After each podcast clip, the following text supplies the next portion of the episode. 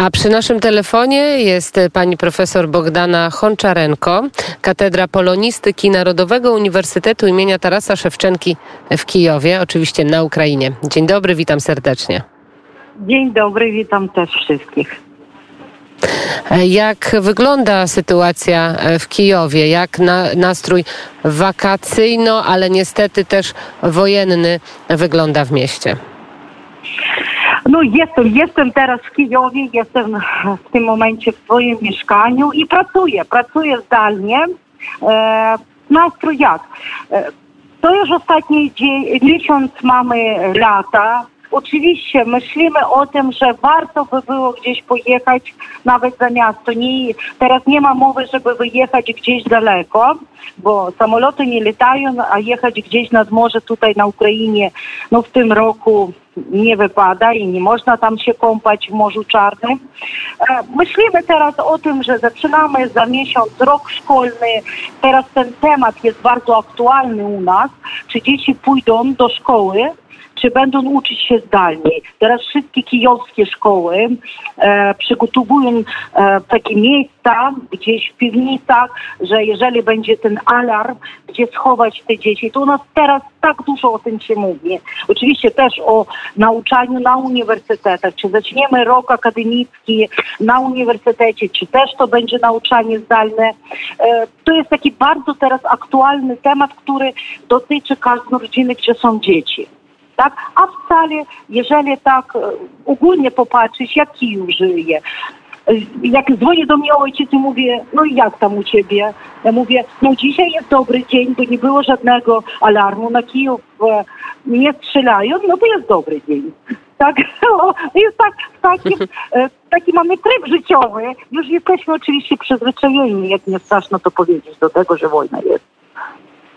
A jak wyglądają powroty wśród pani przyjaciół, znajomych? Czy o, coraz więcej ludzi wraca? No, tak, oczywiście, że wracają. Dużo wraca moich znajomych z Polski. Wracają dlaczego? Kto ma dzieci, muszę teraz się zdecydować na to, czy pójdą dzieci do szkoły gdzieś w Polsce czy w Niemczech, czy wrócą tutaj do naszych szkół.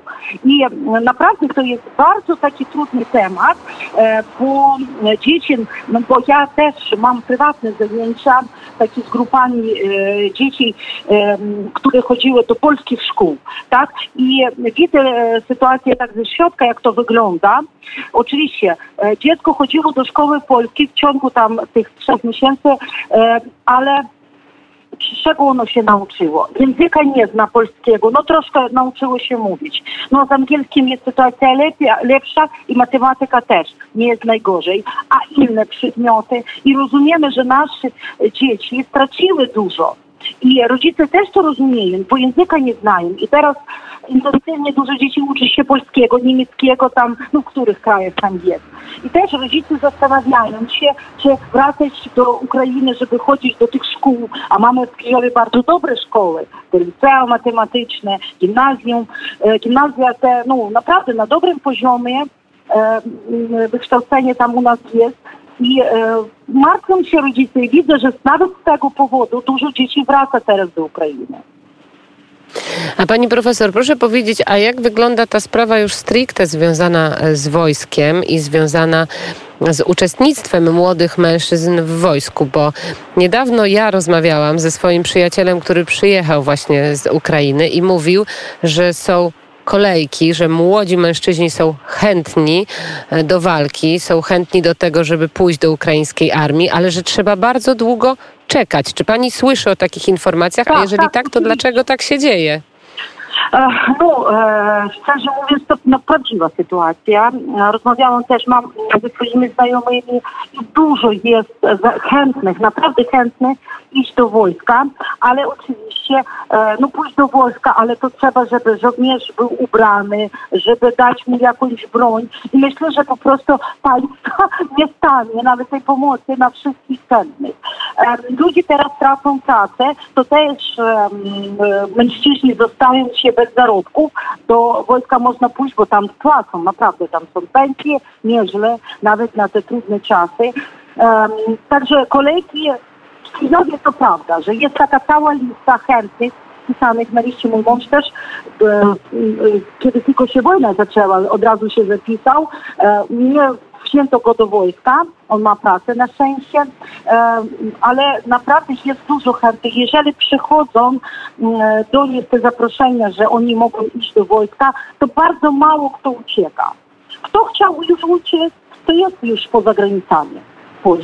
Ukrainy, tak? W Polsce, Niemczech, w całym świecie siedzi. Mężczyźni, którzy się tutaj zostali, to się nie boją no bardzo mało znam, może nawet nikogo nawet nie znam, spośród moich znajomych, że ktoś by powiedział, że kiedy musi, no przyjdzie do niego takie zaproszenie od wojskomatu, to się ono tak nazywa, że musi iść do wojska, że on się odmówi i nie pójdzie. Także oczywiście rozumiem to, co tam idą też to, to jest na pewno bardzo e, ciekawe, ale też bardzo budujące dla Ukraińców, że jednak cały czas ten nabór jest. A proszę powiedzieć, pani profesor, pani Bogdana Honczarenko jest naszym gościem, jak wyglądają ulice Kijowa, jak wyglądają restauracje, jak wygląda takie codzienne życie, bo z jednej strony mamy zniszczenia wojenne, a z drugiej strony przecież jest jakaś codzienność. No jest codzienność. Wczoraj chodziłam do kina. Także, że, żeby zrozumieliście, że życie trwa. Oczywiście jest godzina komendancka. O 11 naprawdę nie warto chodzić po ulicach i nie wolno i nie warto. Um, ale do 10 są e, kina czynne. Poszłam sobie do kina, czekałam na ten film. Z Bradem Pittem chciałam go obejrzeć, to wczoraj spokojnie o 7 godzinie był seans, można było oglądać spokojnie w kinie. Duży taki centrum handlowy jest obok mnie. On jest czynny do 8 godziny sklepy, restauracje, kina, różne rozrywki tam dla dzieci. E, oczywiście są czynne. E, oczywiście restauracje po całym mieście. Jeżeli ktoś przyjechałby teraz do Kijowa e, i też mam znajomych z zagranicy, dziennikarzy polskich też mówią, o, to nie odczuwa się, że w Kijowie jest wojna, dopóki nie zaczynają się te alarmy. Bo to tak trochę no taki straszny jest, kiedy ten alarm po całym mieście, ale ja jestem na tyle przyzwyczajona, że ja nawet nie zwracam na to uwagi, już wiem, co mam robić. Gdzie mam pójść, co mam robić. Moje dzieci też, mój pies nawet nie reaguje już na te alarmy spokojnie, bez stresu. E, pani profesor, e, my w Polsce dużo mówimy na temat Morza Czarnego, na temat odblokowania ewentualnego eksportu zboża, mhm. który właśnie mm, z floty czarnomorskiej miałby ruszyć. Jak wyglądają ceny żywności, jak wygląda dostępność do e, produktów rolnych, spożywczych i ich ceny? No, ceny straszne, naprawdę. W tym roku mamy bardzo wysokie ceny na wszystko, ale jest wszystko. Nie mogę, no, mm, rozumiem, że to Kijów. Kijowie zawsze nie ma, nawet kiedy były te najstraszniejsze miesiące, koniec e, lutego i marzec, to e, produkty spożywcze ja mogłam sobie w Kijowie spokojnie kupić. Nie było tak dużo wszystkiego jak zawsze wtedy, ale było. I teraz jest sytuacja, że już mamy wszystko w Kijowie. Nie tylko w Kijowie, bo ja jeździłam e, do Chmielnickiego i tam małe miasteczka, bo mój ojciec jest stąd, to też mogłam zobaczyć, jak tam, jaka jest tam sytuacja. Tak dalej od Kijowa. To problemów tam, gdzie nie, nie idzie wojna, tak, taka aktywna ta faza wojny, to naprawdę nie mamy. Ceny droższe. Produkty spożywcze naprawdę droższe, bo ten Herson, ten południe e, Ukrainy, no naprawdę e, wszystkie pomidory, ogórki, arbuzy, e, tak, te owoce i warzywa były przywiezione stąd i zawsze to było no, no, absolutnie niedrogo. Takie były tanie ceny na to wszystko, sezonowe produkty.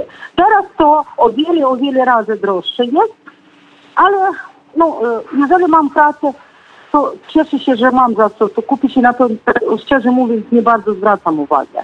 Rozumiem, że kto tam e, starsi ludzie, którzy już nie mają pracy, mają tylko pensje, te wypłaty na emeryturze, kto nie ma pracy, to dla niego oczywiście to trudno. Trudno. no i na koniec pani profesor, tak, tak tak, to są te problemy. I na koniec, pani profesor, gdzie w takim razie jest ta najtrudniejsza sytuacja, jeżeli chodzi o Ukrainę? Skąd napływają te e, najmniejsze e, informacje i to, gdzie największe walki się toczą dzisiaj? No, no oczywiście, że to jest Charków. Codziennie patrzymy, że e, Charków, to tam ciężka sytuacja jest pod Charkowem.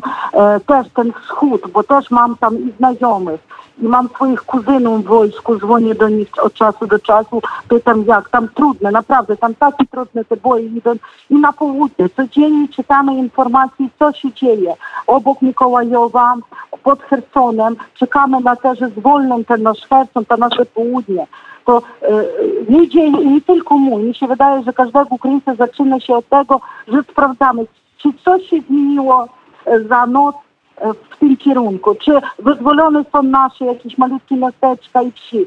Liczymy ile ich. Oczywiście przerażeni jesteśmy tym, co było ostat... e, w ostatnim tygodniu z naszymi chłopcami, z naszymi żołnierzami w Olenicy. Myślę, że to cały świat już o tym wie.